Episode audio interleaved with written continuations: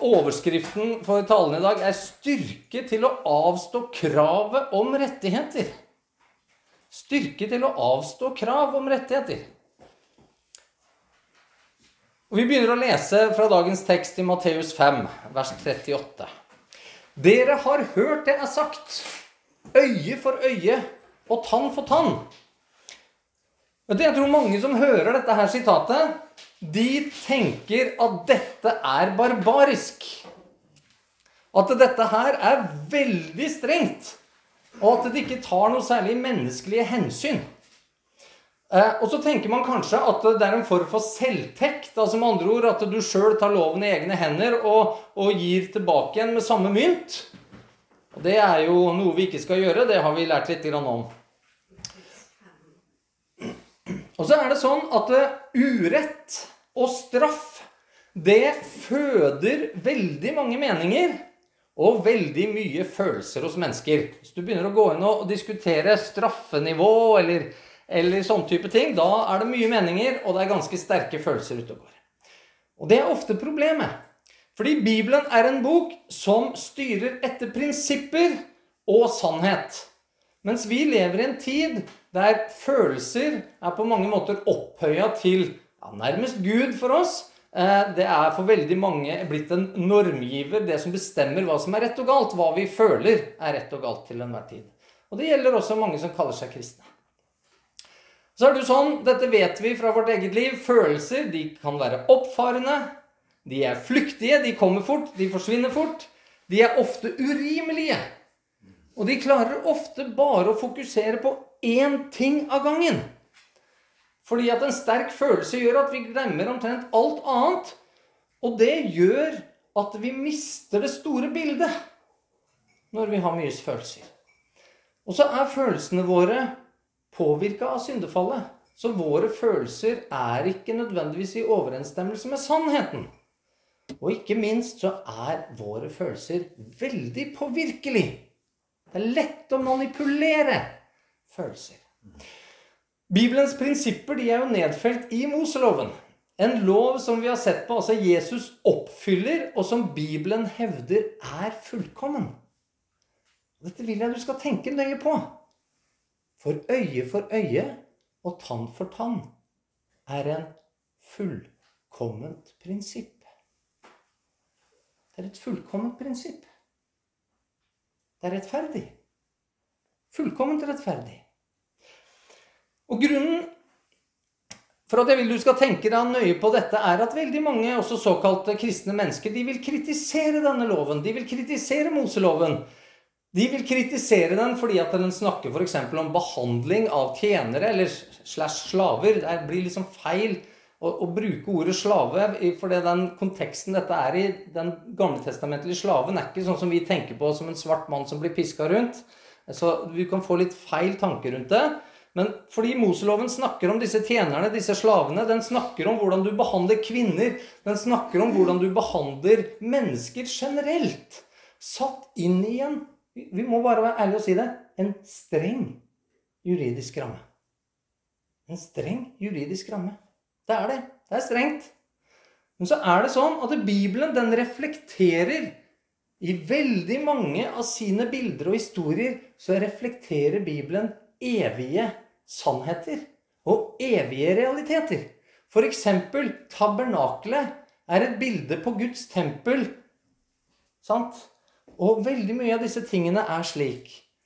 Og da er det mange som ser ut til å glemme at loven og straffeutmålingen som Gud ga til Moses, reflekterer noe, det òg.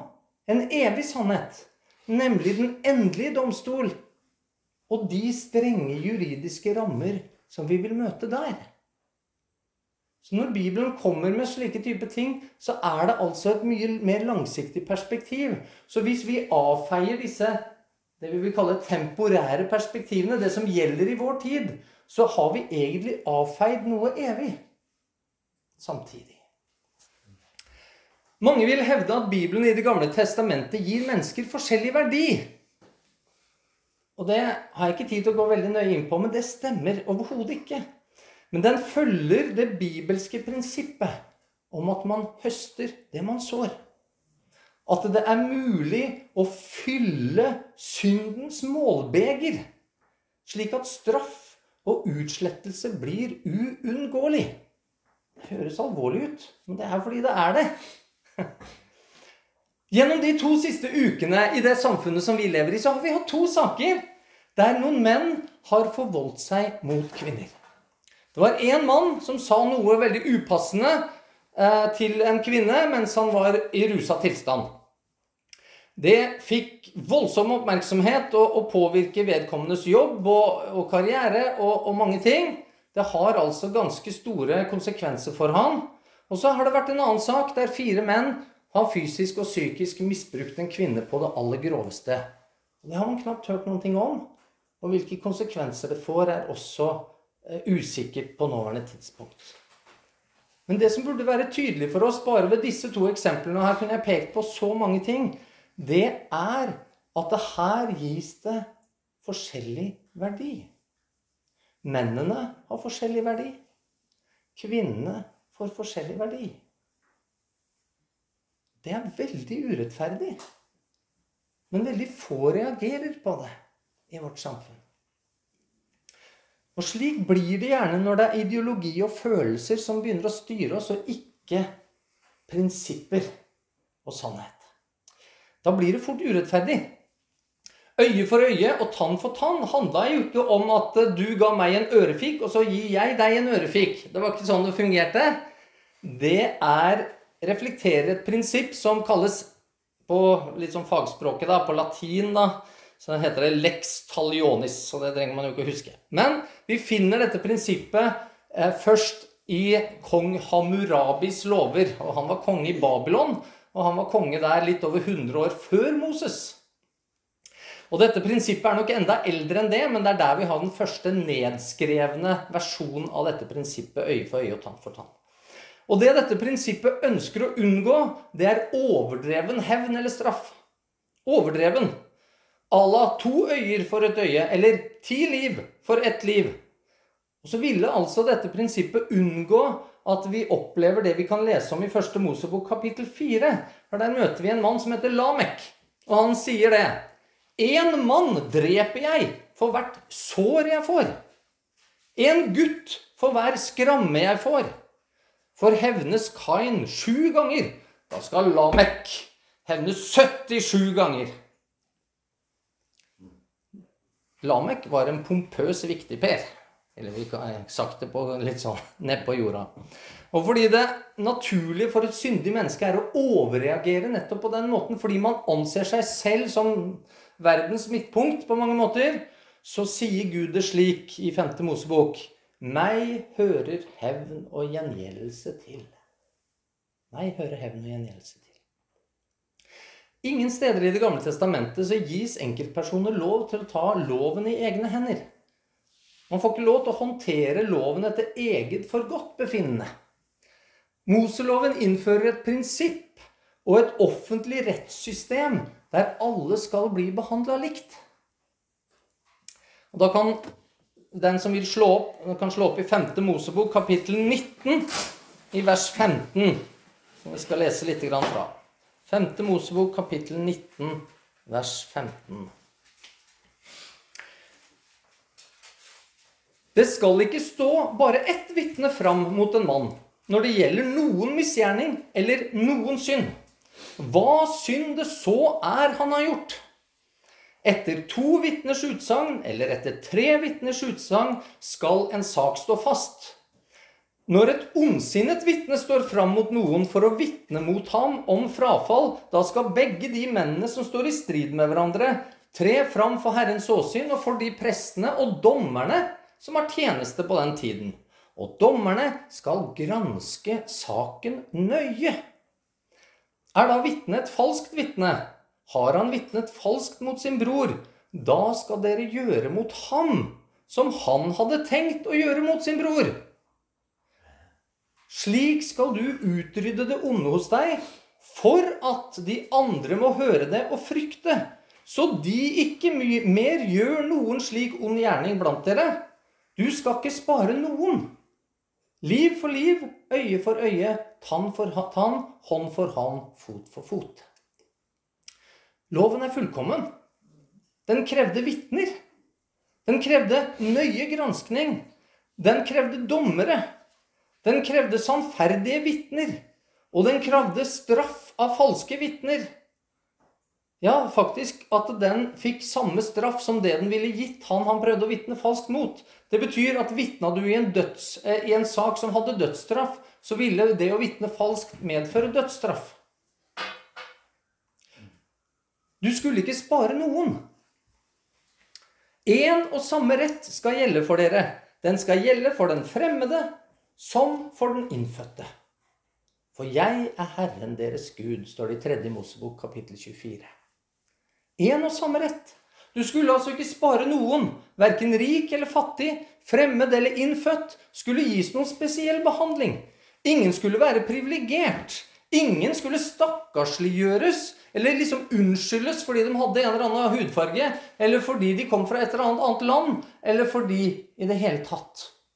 Det skulle altså være likhet for loven. Det måtte være rettferdighet, lov og rett, for at det ikke skal bli utøst uskyldig blod i det landet som Herren din Gud gir deg til arv, så det kommer blodskyld over deg. Her er det 5. Mosebok 19, vers 10. Kjenner dere igjen disse prinsippene? Ja, det burde dere, for hele den vestlige rettspraksis er bygd opp på dette. Det er her vi har det fra. Absolutt hver smitt og smule. Men Guds straffenivå var vesentlig strengere enn det vi praktiserer i dag.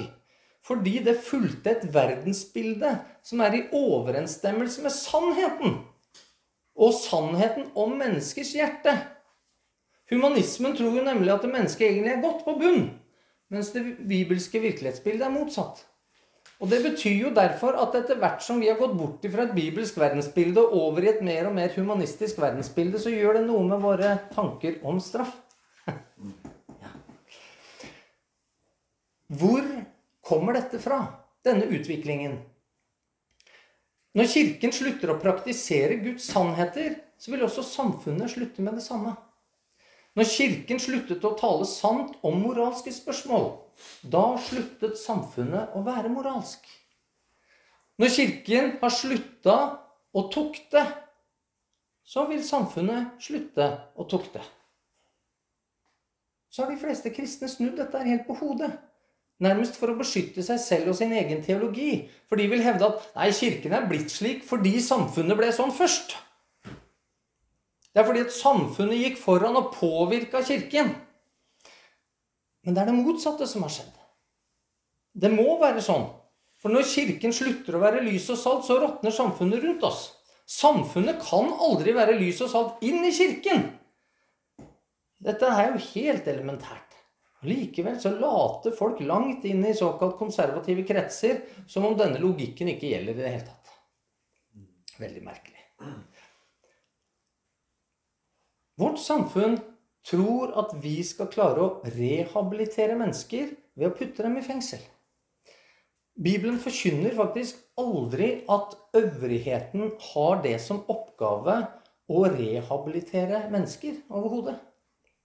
I Romerne 13, vers 4 så kan vi lese altså at staten av øvrigheten, den er Guds tjener.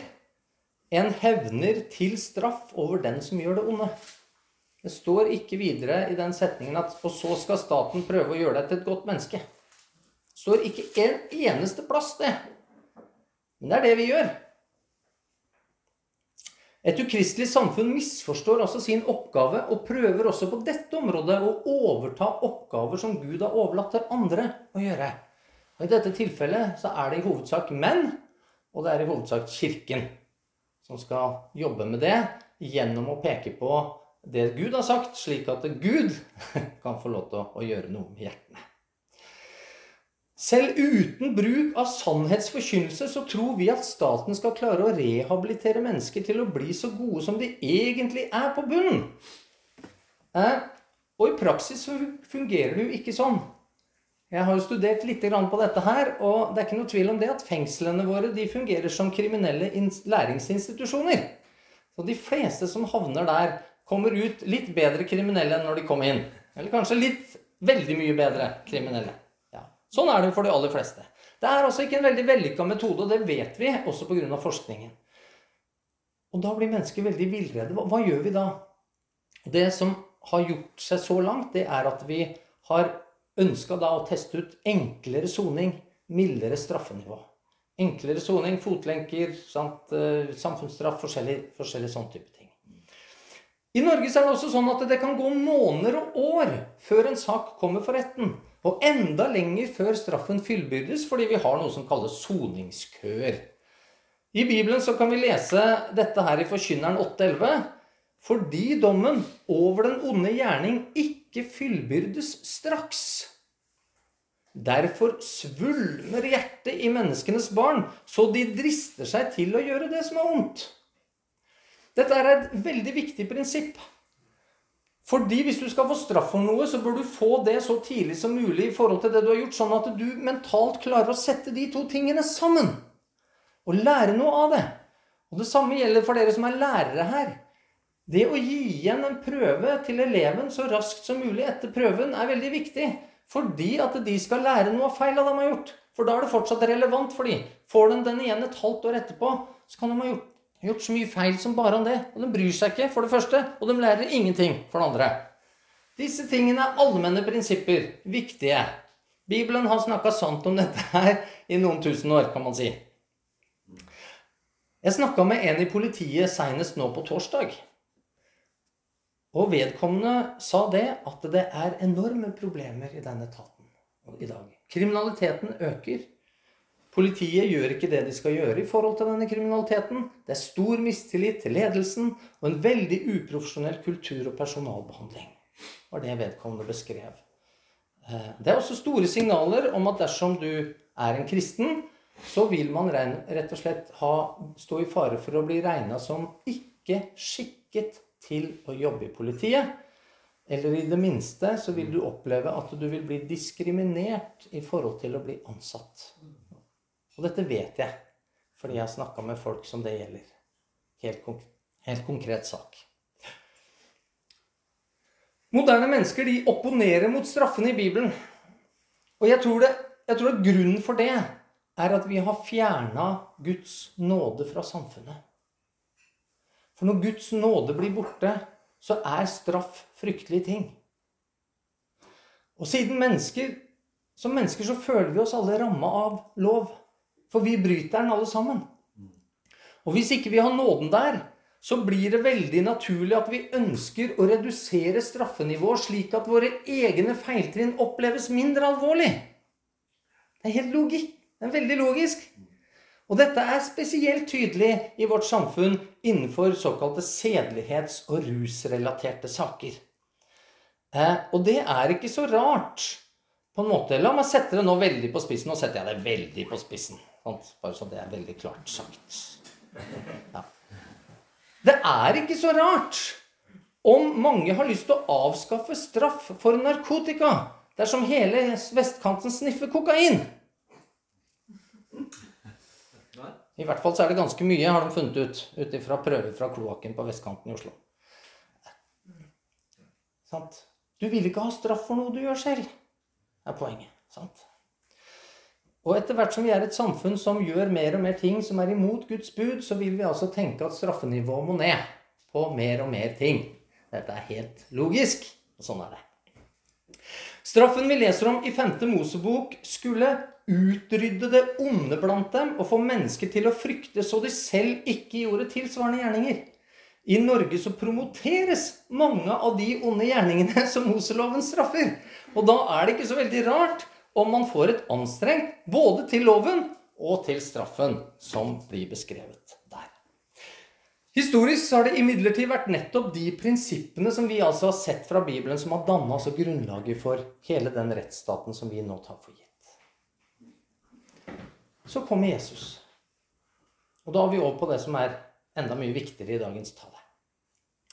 Jesus han opphever altså ikke prinsippene om øye for øye og tann for tann. Og det kan jo umulig mennesker i Europa ha trodd at Jesus gjorde heller. De har jo nettopp modellert hele loven sin på det prinsippet. Fordi det er et godt prinsipp. Et godt prinsipp. Ja. Jesus kommer dermed mot med noe som gjelder dem som ønsker å være hans etterfølgere. Og litt flåsete så kan jeg si ikke vær Jesu etterfølger. Vær Jesu etterfølger. Det er nemlig to vidt forskjellige ting. Jesus kommer med noe her som er for dem som stoler på Gud. Det er et oppgjør også med fariseernes forvrengning av dette prinsippet øye for øye, tann for tann, som på en måte gjorde det mulig at man personlig kunne hevne seg. Og så sier Jesus da, videre i Matteus 5.: Men jeg sier dere, Sett dere ikke imot den som gjør det onde mot dere. Om noen slår deg på høyre kinn, så vend også det andre til. Vil noen føre sak mot deg for å ta din kappe, så la ham få ytterplagget. Og om noen tvinger deg til å følge ham én mil, da gå to med ham. Gi til den som ber deg, og vend deg ikke bort fra den som vil låne av deg. Det er jo bare å konkludere med en gang. Dette er radikale greier. Det er radikalt fordi det utfordrer selve vår tanke om rettferdighet. Fordi det kan oppleves som nærmest urimelig. Både som krav og i utstrekningen av hvordan det skal etterleves. Og det skaper en tilsynelatende konflikt mellom en lov og et prinsipp øye for øye som Bibelen sier er fullkommen. Og forholdet til den som gjør det onde mot oss. Hvordan skal vi forstå dette? Her tror jeg det er mange som er forvirra. Vi lever i en tid som er veldig, veldig opptatt av rettigheter. Vi har menneskerettigheter, arbeideres rettigheter, kvinners rettigheter, svartes rettigheter, LHBTQ-rettigheter, barns rettigheter, kriminelle og fangers rettigheter osv. osv. Vi kunne hatt en lang liste her med rettigheter rettigheter som man nærmest har opparbeida seg. Ja, man går så langt som å snakke om abortrettigheter. Dette starta nok opp med en tanke om rettferdighet for alle mennesker. Slik opplever jeg ikke at det er nå. Nå oppleves det mer som en klam tanke om at jeg fortjener noe. Og fordi jeg fortjener det, så har jeg rett til å kreve det som en rettighet. Da ender man opp med å tråkke på andre. Garantert. Fordi kampen for å kreve noe på egne vegne, når holdningen er at 'jeg fortjener noe', bunner i egoisme. I syndig egoisme. Så vil jeg si noen ting som jeg syns er viktig, som kanskje er litt vanskelig å, å, å, få med seg med en gang, fordi jeg prøver å bruke litt ordspill her òg. Men ingenting kan lettere avskaffe rettferdighet enn min egen rettighet til å bli ferdig med å kreve det jeg skulle mene og fortjene. Jeg sier det en gang til. Ingenting kan lettere avskaffe rettferdighet enn min egen rettighet til å bli ferdig med å kreve det jeg skulle mene og fortjene. Dere får høre på det hvis dere ikke fikk det med. Hvorfra kommer all ufreden? Og hvorfra kommer all striden blant dere? skriver Jakob i kapittel 4. Er det ikke fra lystne som fører krig i lemmene deres? Dere begjærer, men har ikke. Dere slår i hjel og misunner og kan ikke få. Dere ligger i strid og ufred. Dere har ikke fordi dere ikke ber. All ufred, all strid blant oss, å gi våre syndige lyster rettigheter, er en ufattelig dårlig idé. En idé som holder på å ødelegge hele vår sivilisasjon. Jesus han vil vende blikket vårt vekk fra dette her nå. Han vil begynne å føre blikket oss over på noe som er helt motsatt av dette her. Og ikke kreve sine rettigheter. Et prinsipp om ikke å gjengjelde. Og det er fire områder som Jesus vil peke på for oss i dag. Det er vår verdighet, vår sikkerhet, vår frihet og vår eiendom. Det første handler om vår verdighet. Om noen slår deg på høyre kinn, så vend også det andre til. I den jødiske kulturen så var det å bli slått på kinnet såkalt æreskrenkende. Vi har begynt å få inn en del æreskulturer igjen. Eh, vi har ikke hatt så mye av det, så derfor så kan det hende at vi misforstår en del ting her. Men det å klaske noen på kinnet, det var for å fornedre og vise offentlig andre mennesker det forakt du måtte ha for dette mennesket. Og Dette ser vi flere steder i Bibelen, slik som Johannes 18, når Jesus blir tatt til fange, og når Paulus blir tatt til Jerusalem for Det høye råd i apostelgjerningene kapittel 23. De blir klaska i ansiktet som et tegn for alle som var der, at du eier ikke ære. Så det handler altså overhodet ikke om det vi gjerne tenker på som en form for grov vold, der vi står i fare for å bli varig fysisk skadet eller slått ned. Jesus krever ikke at du skal være en eller annen form for dørmatte og måtte finne deg hva som helst av hvem som helst. Det handler ikke om en sånn snillisme der alle kan begynne å utnytte deg eller være voldelige mot deg. Det skulle jo bare mangle. Og det ville også vært veldig merkelig med tanke på hva Jesus sier i Lukas 22, vers 36. Han sa da til dem, men nå skal den som har pung, ta den med, og sekk likeså, og den som ikke har sverd, får selge kappen sin og kjøpe seg et.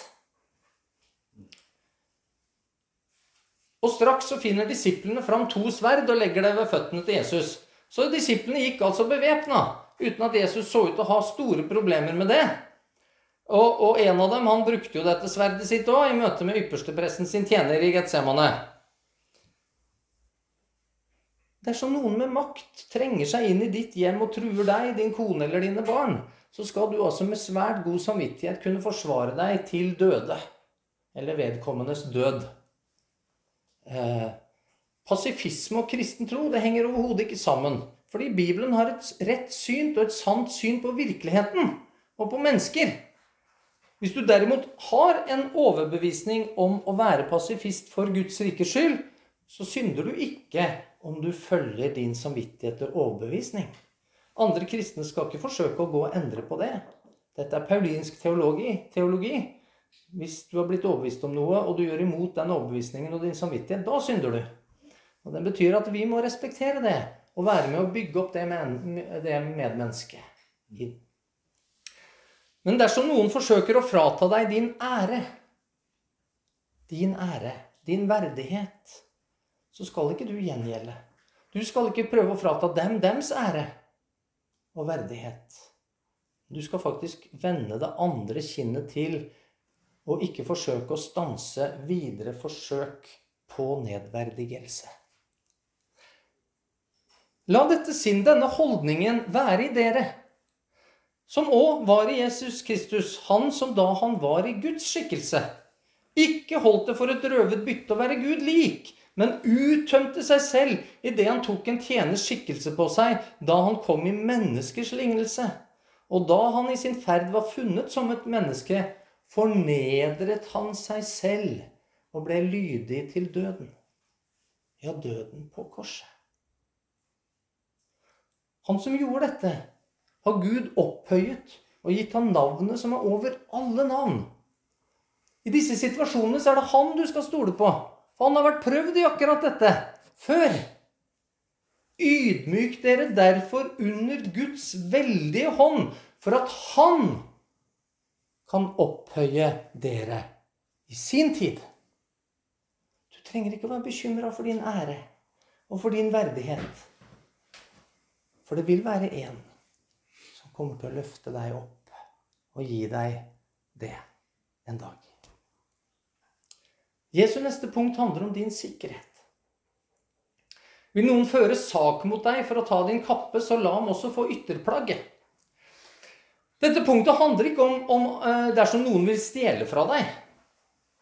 Men det handler om der du er i en uoverensstemmelse med noen, og de har gått til sak mot deg for å kreve av deg det de mener at du skylder dem. For mennesker på Jesu tid så hadde de kanskje bare én kjortel, kanskje to. Altså det vi vil tenke på som klær som vi har under yttertøyet vårt. da. Og det er klart det ville være et stort tap for slike mennesker å miste dette. Og i Moseloven så var det regler for tilbakebetaling ved tyveri, ved skade og ved gjeld. Og en av tingene man kunne gjøre, var å ta ytterplagget i pant. Og det var det de brukte som dyne. Eller som telt om natta, om de sov ute. Det var altså ekstremt viktig, dette ytterplagget. Loven sa derfor i 2. Mosebok 22 Dersom du tar din nestes kappe i pant Og nå er det ikke kappe som innertøy, sånn som vi nettopp leste, men nå er det snakk om kappe i form av yttertøy. Skal du gi han den igjen før solen går ned? For den er det eneste han har. Det er den han skal kle kroppen med. Hva skal han ellers ligge i? Og når han roper til meg, vil jeg høre, for jeg er barmhjertig, sier Gud. Poenget til Jesus er at du som kristen skal gjøre opp for deg. Du skal gjøre opp for deg. Du skal ikke skylde noen noe. Ingen. Du skal strekke deg så langt i å gjøre opp for deg i forhold til de som hevder du skylder dem noe, at du frasier deg dine rettigheter. Ja, du til, du, du, til og med rettigheter du har etter loven. De hadde rettighet til å beholde ytterkappen. Så sier Jesus du skal gi dem ytterkappen òg. Selv der altså loven Du har loven på din side. Så skal du ikke gjøre, nytte, gjøre deg nytte av den rettigheten. Det er poenget til Jesus her. Du skal altså gi dem selv mer enn det de ber om. Selv når det går på din egen personlige sikkerhet løs. For det gjorde det hvis du ga fra deg ytterkappen din. For da ble du sårbar. Du hadde ingenting å beskytte deg med og mot. Når det går på din rettssikkerhet løs. Det er Jesu poeng.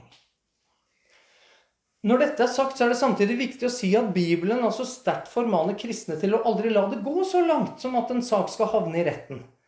Vi bør være medgjørlige, står det slik at dette blir løst lenge før det. Og dette har vi som har gått her noen uker, sett på allerede. Da må vi tilbake igjen i Matteus 5, vers 25.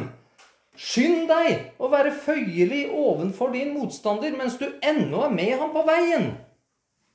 Ellers vil motstanderen overgi deg til dommeren, og dommeren overgi deg til vakten, og du blir kastet i fengsel. Så du bør egentlig ikke la det gå til rettssystemet i det hele tatt. Og så lærer Bibelen oss også at kristne ikke skal saksøke hverandre. Og ikke dra hverandre, i hvert fall ikke inn for ugudelige dommere. Det er til skam for oss som vi gjør dette, skriver Paulus i 1. Korinterbrev 6, vers 4-7. Når dere så har saker som angår dette livet, så setter dere dem til å være dommere som ikke blir aktet for noe i menigheten. Til skam for dere, sier jeg dette. Så finnes det da ikke noen vis mann blant dere, ikke en eneste en, som kan skifte rett mellom sine brødre. Men bror fører sak mot bror, og det for vantro dommere. Allerede dette at dere har rettssaker mot hverandre, er et nederlag for dere. Hvorfor lider dere heller hvorfor lider dere ikke heller urett? Hvorfor tåler dere ikke heller tap? Paulus peker på nøyaktig det samme som Jesus. Lid heller urett. Lid heller tap. Ikke stå på dine rettigheter. Ikke krev. Hvorfor? Jo, stol på Han som betalte din gjeld, og som har lovet å gi deg alt du trenger. Jesus var villig til å betale all vår gjeld ovenfor Gud og gjør at vi går fri fra dommen. Og denne holdningen skal altså prege oss i møte med de som krever av oss å gjøre opp vår gjeld. Som vi finner, selv om vi finner det urimelig, og også i møte med våre skyldnere. For Gud han gjorde opp vår gjeld, og det var ganske urimelig for han, for å si det sånn. I hvert fall min gjeld. Jeg vet ikke åssen det er med deg. Du skal dermed ikke la deg bli lurt eller direkte stjålet fra. Da har du din fulle rett til å forsvare deg og nekte å gi fra deg det som er ditt. Bibelen sine prinsipp om eiendomsrett, den er ganske sterk, nemlig. Så begynner Jesus å snakke om din frihet. Om noen tvinger deg til å følge ham én mil, da gå to med ham. I Romerriket var det en lov som gjorde det mulig for soldater å tvinge sivile til å bære deres utstyr i én romersk mil. Og en romersk mil det tilsvarer ca. 1,5 km. 1,5 km. Og dette kunne vært et stort besvær for en vanlig borger, fordi at på den tida så hadde man ikke masse fritid man brukte å se på TV. Man måtte jobbe hele dagen til det ble mørkt, ellers så hadde man ikke mat. Så det var ikke så veldig greit, dette her, selv om det bare altså var 1,5 km. Eh, og det var også nedverdigende og undertrykkende å måtte bære utstyret fra dem som var okkupantene dine, så det var ikke akkurat så veldig hyggelig. Så mista du altså din frihet for en stund. Og dette ser vi praktisert når Simon fra Kyrene han ble tvunget til å bære Jesu kors. Det er akkurat den loven som blir brukt. Dersom du havner i en slik situasjon at noen krever at du gir avkall på din frihet for en liten stund, så skal du være villig til å gå to mil. Tre kilometer. Frivillig. Med humøret i behold. som et vitnesbyrd og i tillit til Han som ga deg friheten. Dette handler altså ikke om å bli kidnappa frivillig. Det handler ikke om misbruk. Det handler ikke om urett på den måten. Men vi skal være villige til å ofre egen frihet, egen tid, der noen krever noe av oss som de strengt tatt ikke har noen rett til å kreve. Noe som er urimelig. Noen krever noe av deg hvor du taper din frihet midlertidig, som er urimelig. Men som de av en eller annen grunn likevel krever av deg. Ting som kommer i veien for det vi egentlig skulle gjort, men som ikke ødelegger livet vårt. For å sette dette i perspektiv, altså Hvor lang tid tar det å gå tre kilometer og tilbake igjen? Jo, hvis du går raskt, så er det unnagjort på alt fra 1 til 1 12 time. Og det er litt greit å være klar over. Jeg går sånn 5-6 km i timen når jeg er ute og trasker. Men noen går nok ikke like fort som meg. Men la oss si det tar to timer da for noen. Så det, det, er sånn det er. Der er vi litt forskjellige. Vi har litt forskjellig lengde på beina våre også. Sånn er det. Men poenget her ved å sette dette i dette perspektivet er at vi må forstå det Jesus sier ut ifra hvordan de forsto det på den tiden. Vi snakker ikke om noen som kommer og legger beslag på ukevis av tida di. Vi snakker ikke om de som legger beslag på halve livet ditt, osv., osv. Der dette er urimelig. Nei, dette er altså innafor rimelighetens grenser, forstår vi. Jesus, han gikk frivillig. Så bar han dine og mine byrder for oss. Jesus' siste poeng handler om vår eiendom. Og dette skal jeg bruke litt tid på, for det er kanskje litt vanskelig for oss. Gi til den som ber deg, og vend deg ikke bort fra den som vil låne av deg. Dette er et punkt som kan synes ekstra vanskelig og nærliggende. Det er vanskelig pga. vår rikdom, det er vanskelig pga. vår egoisme, det er vanskelig pga. vårt politiske system, som gjør at vi allerede har betalt oss ut fra ansvaret. Og det er ikke lenger mitt problem, er det lett å tenke, fordi systemet vårt er lagt opp til at det faktisk ikke er det. Og det er en av grunnene for at vårt hjerte kan bli kaldt ovenfor vår neste. Det er en av grunnene for at vi kan tenke enda mer på oss selv, bruke all vår tid på oss selv og styrke vår egoisme. Fordi at vi har betalt oss ut av vår nestekjærlighetsfunksjon. Og det er også grunnen for at jeg mener sosialistisk politikk skader individ og samfunn. Under påskudd av å være nestekjærlig vil sosialisme på sikt bryte ned våre aller viktigste verdier, våre holdninger og vår nestekjærlighet. Og Jesus han sier jo derimot ikke dette inn i en sosialistisk setting. Han snakker om det ut fra hva Guds ord sier om dette. Og Da kan dere slå opp i 5. Mosebok, kapittel 15, som vi kommer til å hoppe og sprette litt rundt i for å poengtere disse tingene. Apostlene og Jesus sjøl går alltid til Gamletestamentet, og derfor så gjør jeg det òg når jeg skal prøve å forklare nytestamentlige poeng. For hvis vi ikke forstår de gamletestamentlige tingene det er henta fra, og prinsippene, så vil vi garantert misforstå hva Jesus sier. Vi begynner i vers 7 i 5. Mosebok 15. Når det er en fattig hos deg, blant dine brødre, i noen av byene i det landet som Herren din Gud gir deg, da skal du ikke være hardhjertet og lukke din hånd for din fattige bror, men du skal lukke opp din hånd for ham og låne ham det han mangler og trenger til. Og her finner vi en viktig presisering. Du skal lukke opp din hånd og altså gi eller låne en fattig bror det han mangler og trenger. Det han mangler og trenger. Dette handler altså ikke om å gi fremmede hva enn de ber om. Det handler ikke om å være dumsnill, om å bli lurt. Det handler om å gi det noen faktisk mangler og trenger. Hvor mange er det av de i Norge, egentlig? Hvor mange er det av de? Det finnes jo ikke tiggere i vanlig forstand i Norge.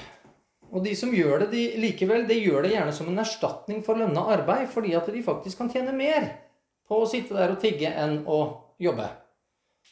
Fordi de ikke har arbeidsrettigheter i landet. De utnytter sin turiststatus, de utnytter Schengen-samarbeid, og ikke fordi de mangler mat, klær og tak over hodet. Og Bibelens forordning handler om å gi og låne bort det noen mangler og trenger. Det er viktig for at det skal sette vedkommende i stand til å skaffe seg selv det han trenger og mangler. Det er liksom hovedpoenget her.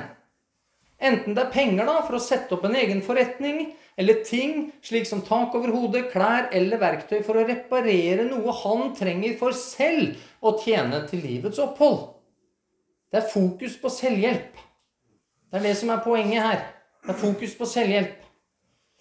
Og det er ikke så rart gitt at et av Bibelens prinsipp er at den som ikke vil arbeide, ikke skal spise.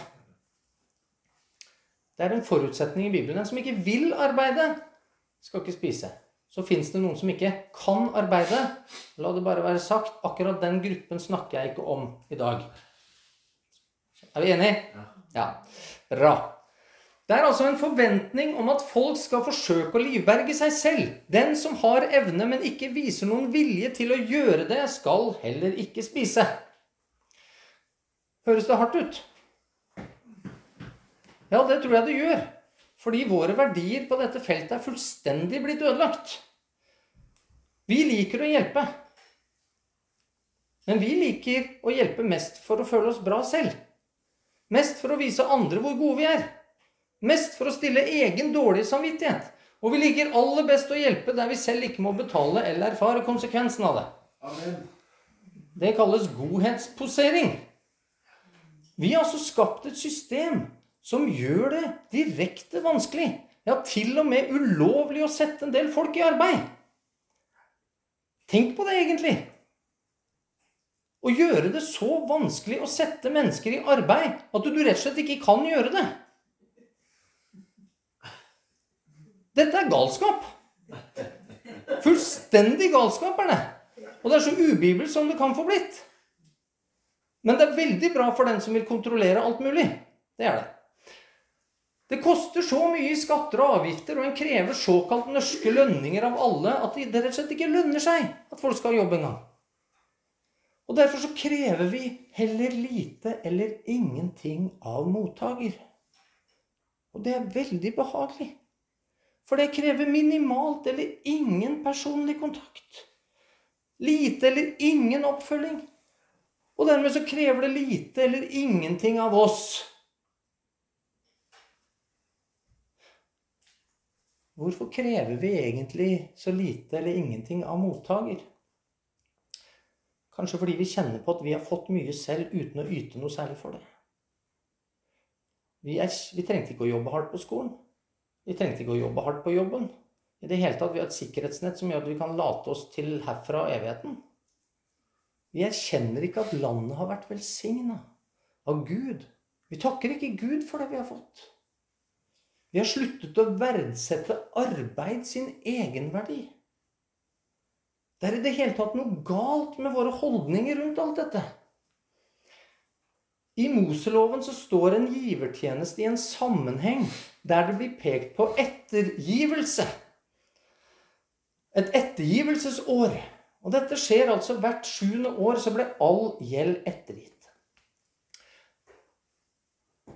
Det er altså slik at både det å gi, som nok handla om penger, og det å låne bort, som kanskje handla mer om ting, verktøy, klær osv., alt var forbundet med en plikt om å betale tilbake. Det var ikke 'vær så god, her har du penger'.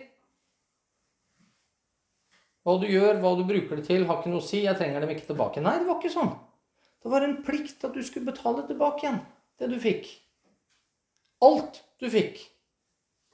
En ga altså ikke uten forpliktelse til den andre part. Og dette var viktig både for giver og for mottaker. For dette handler om å ikke ta fra mottaker deres verdighet og ære. Om å ikke møte dem med en holdning om at ah, 'Du klarer jo ingenting'. Så vi krever heller ingenting fra deg. Vi som har vært her en stund, vi så på den holdningen litt for noen vers siden. Hvor Jesus sier at om du sier til et annet menneske at du, du, du klarer ingenting, du får ikke noen ting til, du er, du er, Jeg har liksom ingen forventninger til deg i det hele tatt. Da er du skyldig for Høyesterett, sier Jesus. Den holdningen er ikke bra. Det handler om hvor stor verdi vi setter på vår neste. Og Derfor så er det en grunn for at liksom naver er blitt nærmest et sånt skjellsord og stigmatiserende. Fordi vi dypt sett der inne så kjenner vi at det er et eller annet der som ikke er helt riktig. Og igjen, jeg snakker ikke da i dag om de som ikke kan. Sant? I forbindelse med dette ettergivelsesåret så kunne man jo tenke seg at dersom noen ba om noe like før det ettergivelsesåret kom, så var jo muligheten for at du fikk det tilbake en veldig liten. Og da var det fristende å ikke gi.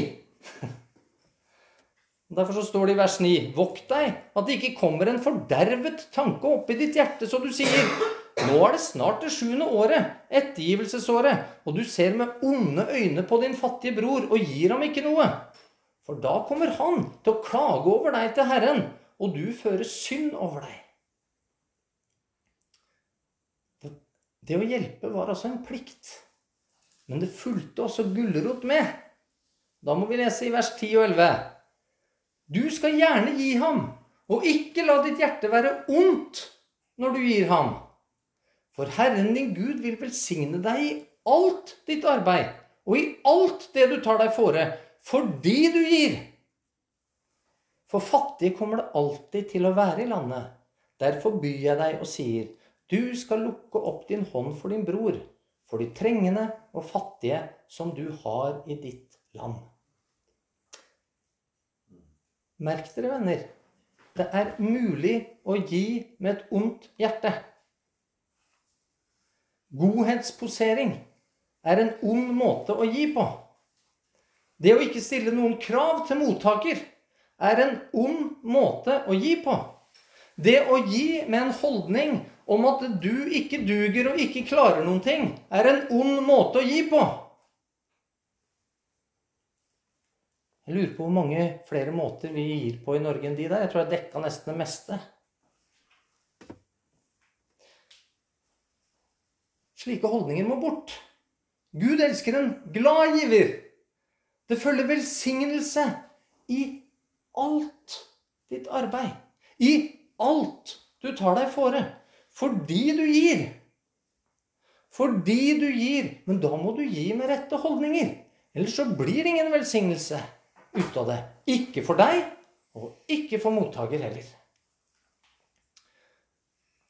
Så er det én ting til her. Uttrykket som blir brukt, er 'din bror'. Og trengende og fattige i ditt land. Det kunne altså være fremmede som bodde i ditt land. De skulle også få når de spurte. Men merk dere at de ble ikke ettergitt. Det ble krevd at de fremmede i landet skulle betale tilbake igjen. De også. Og de ble ikke ettergitt etter sju år. Så hvis de ikke betalte tilbake igjen av egen kraft, så ble de tjener for deg til de hadde betalt for seg.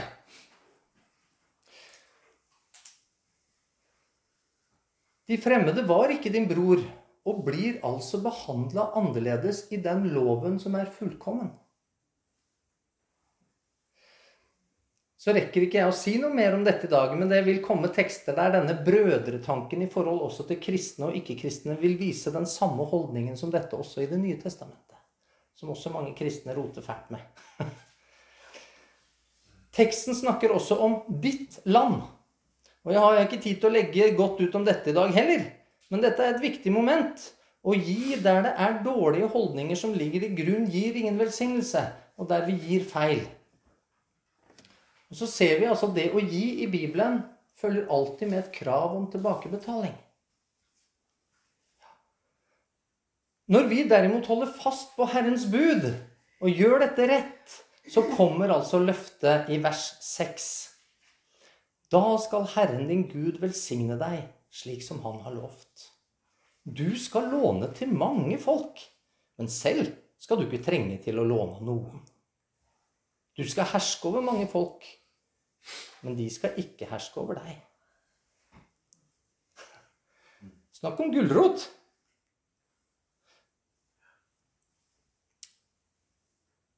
Så går vi inn for landing. Jesus ga alt han eide, med de rette holdningene.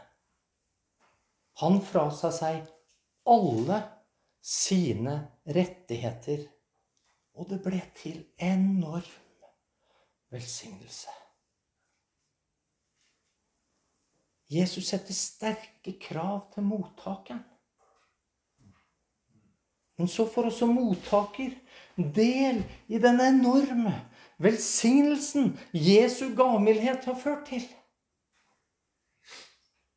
Begynner du å se det jeg prøver å si nå?